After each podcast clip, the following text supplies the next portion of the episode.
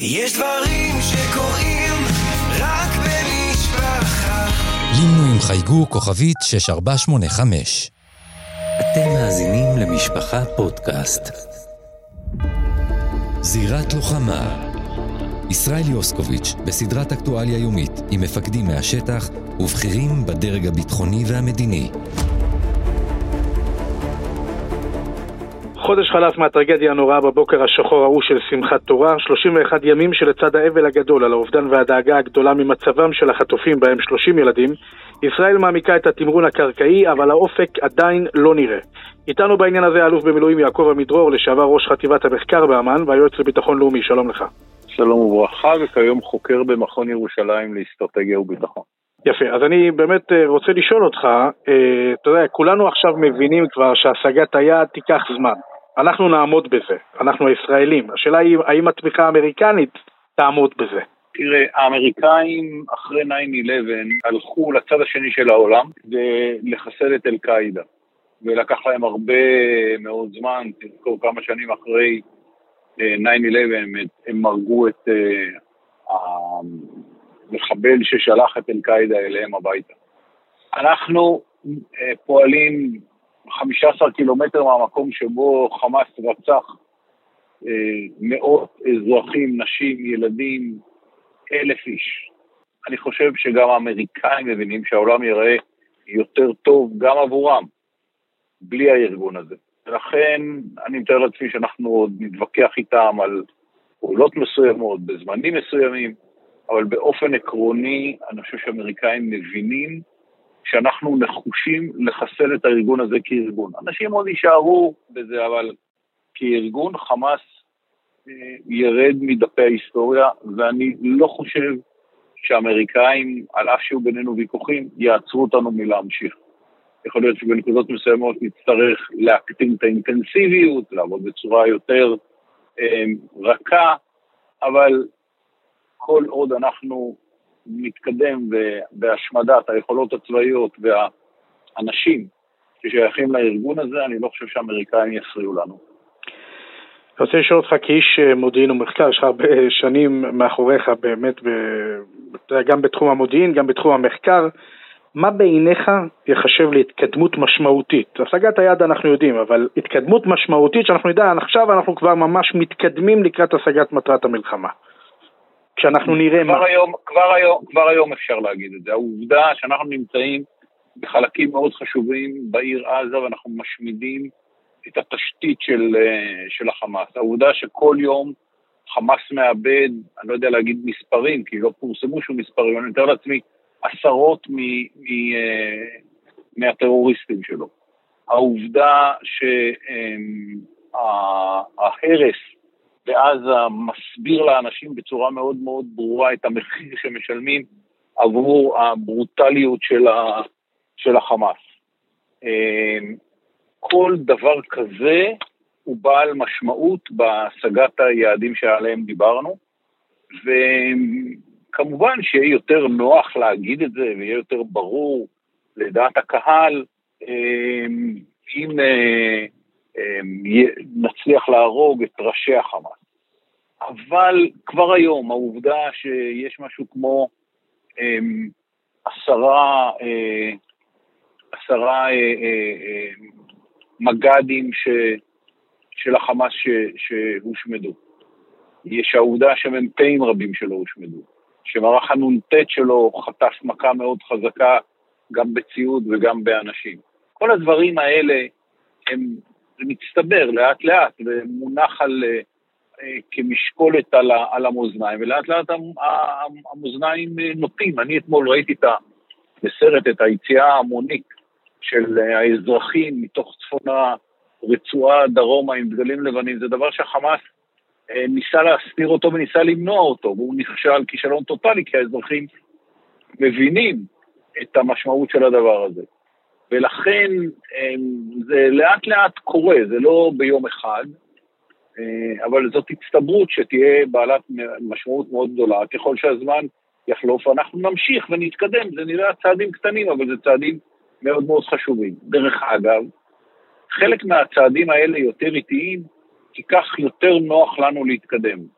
אנחנו מנצלים את העדיפות שלנו במודיעין, אנחנו מנצלים את העדיפות שלנו בכוח האש, ואנחנו לא רצים, אנחנו מתקדמים לאט לאט, עקב בצד אגודל, כדי להקטין את מספר הנפגעים שלנו, ועל מנת לאפשר לאותם אזרחים לברוח, כי נוח לנו יותר להילחם בשדה קרב שבו יש פחות אזרחים, וגם יותר נוח למפקדים בשטח, וגם יותר נוח מבחינה בינלאומית שנפגעים פחות אזרחים, ולכן אין מה למהר, עדיף להתקדם עקב בצד אגודל, לקלף קליפה-קליפה, ובסך הכל בסוף לא יישאר בצד. למה לדעתך, אתה יודע, למרות באמת ההפצצות הכבדות שכבר אה, הרצועה סופגת חודש שלם ועם אש אה, אה, עצומה, אש אדירה, ועדיין אנחנו לא רואים, אתה יודע, לא בני ערובה, לא אה, אה, שבויים, לא אה, כל מיני, אה, אתה יודע, אה, אה, תיעוד של, אה, של קנייה מצד מחבלים. זאת אומרת, יש פה איזו תחושה שזה משהו שונה ממלחמות עבר שראינו באופן ברור, למשל ששת הימים, ראינו את החיילים המצרים נוטשה, כאילו בורחים יחפים, אה, או, או אירועים, מסוג, אה, אירועים אחרים דומים. אני חושב שיש פה כמה גורמים שיוצרים את המצב השונה. אחד זה תת הקרקע. תת הקרקע, המנהרות, מאפשר להם לנוע ממקום למקום בלי להסתכן, מאפשר להם אה, לשמור על חלק מהכוח שלהם, אה, אבל הוא עושה עוד דבר, אנחנו לא יודעים כמה אנשים הרגנו בתת הקרקע. ואולי רק הם יודעים, אולי אפילו הם לא יודעים. ולכן תת הקרקע היא מצד אחד נוחה להם מאוד בשביל לשמר את הכוח ולהזיז אותו ממקום למקום, מצד שני זה איזושהי אניגמה לגבי כמות ההרוגים האמיתית שלהם. הדבר השני זה המצב הכללי של החמאס. החמאס מבין שאנחנו יצאנו להשמדתו. ואין פה מה שיש במלחמות אחרות, תברח, אז תנצל ותחזור בעוד שבועיים. לא, פה האנשים האלה יודעים שהם נידונו להשמדה. אנחנו נהרוג אותם. גם אם זה ייקח הרבה מאוד זמן.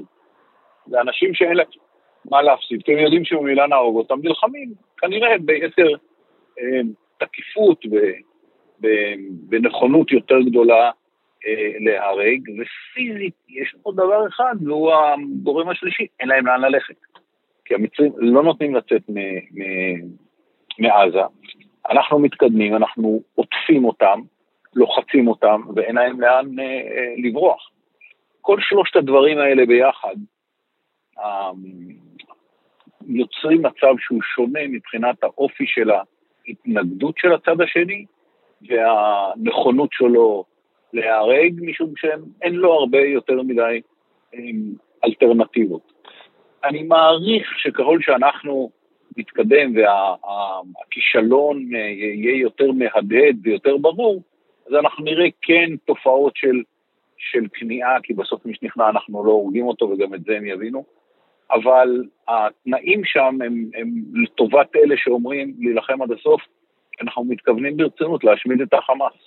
ובסוף אנחנו יודעים שהטיפול האמיתי זה בתת קרקע, זאת אומרת העורק הראשי יוצא מכל מיני אה, בתי חולים, מכל מיני אה, מסגדים, ושם אנחנו ניתקל גם בהתנגדות בינלאומית, גם הרבה מאוד לחצים אה, פנימיים, אתה יודע, אנחנו נתייצב בפני דילמה מאוד גדולה, ואנחנו יודעים שבלי לטפל שם, במקומות שם, אנחנו לא נפיק שום הכרעה במערכה הזאת. איך, איך לדעתך אפשר לטפל בבעיה הזאת?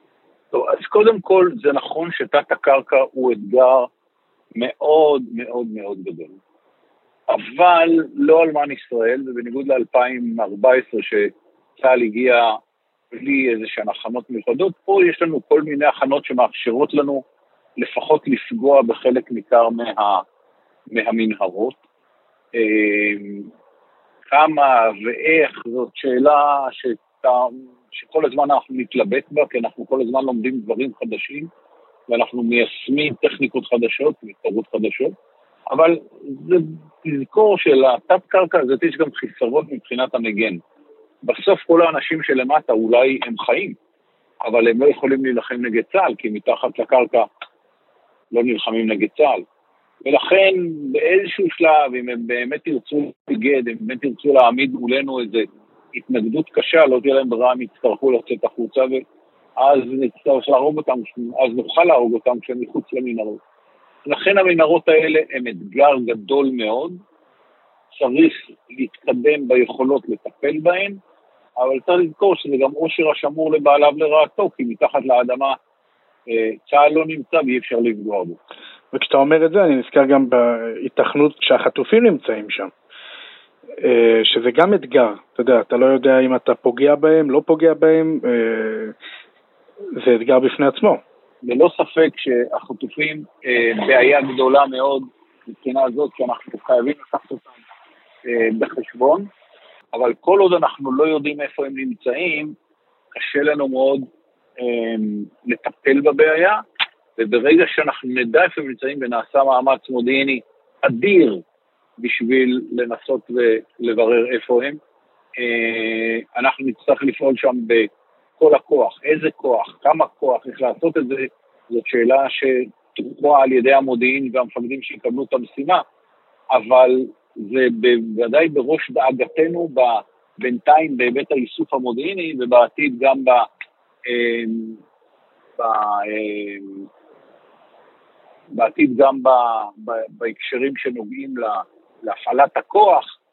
ואני לא דיברתי מילה על כל המערכת המדינית שמתנהלת מחוץ למערכת הצבאית, ועליה אין לי שום מידע שאני יכול אה, אה, לבסס דברים, מלבד זה שאני יודע שברחבי העולם הרבה ישראלים עוסקים בניסיון להגיע ליכולת אה, ללחוץ על החמאס, לשחרר לפחות את ה... נשים, ילדים, מבוגרים, שזה ממש פשע שהם חטפו אותם, ופשע עוד יותר גדול שהעולם מאפשר להם להחזיק את החטופים הללו. ולפני שאני אשאל אותך באמת על היום שאחרי ועל ההיבט המדיני, טריטוריאלי, אני רוצה לשאול אותך אם אתה לא חושב שאנחנו די מפספסים קצת את הנושא הזה, אתה יודע, יש 30 ילדים חטופים שם, ילדה, אני שמעתי בת שלוש שתאמר מאבא ואימא שנמצאת שם, זאת אומרת, והעולם מדבר איתנו על אה, המצוקה של הילדים בעזה. האם אנחנו לא מפספסים פה הסברתית את האירוע הזה? הרי הם חיים הילדים האלו, אפשר להציל אותם, זאת אומרת, אם העולם באמת כל כך מודאג מה שקורה בעזה, אז קודם כל לפני כל מגע אה, ושיג ושיח על אה, שחרור חטופים תמורת משהו, ילדים, אה, אני חושב שזה קו אדום, אה, לפחות בעיני העולם המערבי. אז קודם כל, אני חושב שזאת הסיבה שאנחנו אומרים לא לכל אה, עצירה הומניטרית, מה שהאמריקאים קוראים. אנחנו אומרים, הבעיה ההומניטרית הכי קשה בתוך רצועת עזה זה החטופים. אז אם העצירה ההומניטרית הזאת לא תטפל בהם, אז היא לא עצירה הומניטרית, היא לא עוסקת בנושאים הומניטריים, היא עוסקת בדברים אחרים. ואני חושב שאנחנו צריכים להתעקש על זה. לא, זה לא תמיד קל, אבל זה, אה, מדינת ישראל צריכה להתעקש על הדבר הזה, משום שבאמת אה, זה נושא הומניטרי מעל ומעבר. אתה יודע, בצורה מוזרה, יש אה, בקוראן, יש שתי רמות של הלכה. יש את הרמה של, ה, של ה... באסלאם, סליחה, שתי רמות של הלכה. אחת זה התורה שבכתב, הקוראן, והשני זה מה שנקרא, התורה שבעל פה זה החדיס, זה האמירות של הנביא, ההתנהגות של הנביא, מוחמד וכיוצא בזה. יש חדיס מפורש שאוסר לחימה נגד נשים, ילדים ומבוגרים. ופה החמאס לקח ועשה בדיוק את הדבר הזה. זאת אומרת, אם לוקחים אדם אובייקטיבי שבקיא בהלכה האסלאמית, הוא צריך לדבר בשצף קצף נגד החמאס. ואותו דבר בעולם, בעולם יש דברים מקובלים בין אומות מתורבתות. העניין הוא שאף אחד לא מצפה מהחמאס להיות אומה מתורבתת. יודעים שהם פראי אדם, יודעים שהם אכזריים, יודעים שהם ברברים, ולכן בעיני העולם זה לא איזשהו פלא שפתאום יש איזה ארגון שהוא לא עושה מה שארגון הומניטר, ארגון הומני, או ארגון אנושי אמור לעשות. זאת אומרת, כשאין ציפייה גם אין אכזבה. במידה מסוימת, בציניות מוחלטת, אין אכזבה מהחמאס, כי אין שום ציפייה מהחמאס. ולכן אנחנו בעניין הזה צריכים להיות נחרצים. הארגון הזה צריך להיות מושמד, צריך להימחק מספרי העתיד של ההיסטוריה של המזרח התיכון, הוא היה, הוא עשה מעשה אחד בלתי נסלח, ואחריו הוא לא קיים. זה אכזרי, זה ארוך, זה קשה, זה מסובך, זה לא נעים מבחינה בינלאומית, וזאת משימה שאנחנו נצטרך לבצע אותה עד רידתה, עד תומה. ולסיום אה, הייתי מבקש ממך, אם תוכל לשרטט את התפיסה שלך ליום שאחרי. זאת אומרת, אנחנו בוא נגיד מכריעים את חמאס בעזרת השם, אה, משמידים את היכולות הצבאיות שלו, איך השכנות שלנו עם הרצועה, איך היא אמורה להיראות בעיניך? טריטוריאלית, ביטחונית וכולי. התשובה שאני לא יודע. אני לא חושב שיש מישהו שיודע. לא, מה היית רוצה? אני לא חושב שצריך, אני לא חושב, ש, אני לא חושב שצריך להחליט על זה עכשיו. צריך לסיים את הלחימה, לראות איך היא מסתיימת ולקבל החלטות. צריך להיות דבר אחד ברור. לא חשוב מי ישלוט ברצועה ומה תהיה צורת השליטה ברצועה, צה"ל ישמור את חופש הפעולה ברצועה גם אחרי שכל הדברים האחרים יוכרעו ויגמרו בצורה זו או אחרת. אנחנו צריכים להיות במצב שבו אנחנו מונעים בעתיד אקטיבית מכל מי שרק מעלה בדעתו לבנות איזשהו איום נגד מדינת ישראל בתוך הרצועה, לבצע, לבצע את זממו. ולכן אני לא יודע איך ייראה השלטון ברצועה, אני לא יודע מי יהיה שם, אני לא יודע מי יהיה אחראי. אני יודע מי לא יהיה אחראי, חמאס לא יהיה, ואני יודע שצה"ל ימשיך לפעול בתוך הרצועה כדי למנוע כל איום צבאי. חוץ מזה, אני לא חושב שניתן היום להגיד איזושהי מילה אינטליגנטית, זה מוקדם מדי. זאת אומרת, גם בנוגע לרצועת הביטחון אה, שמדברים עליה.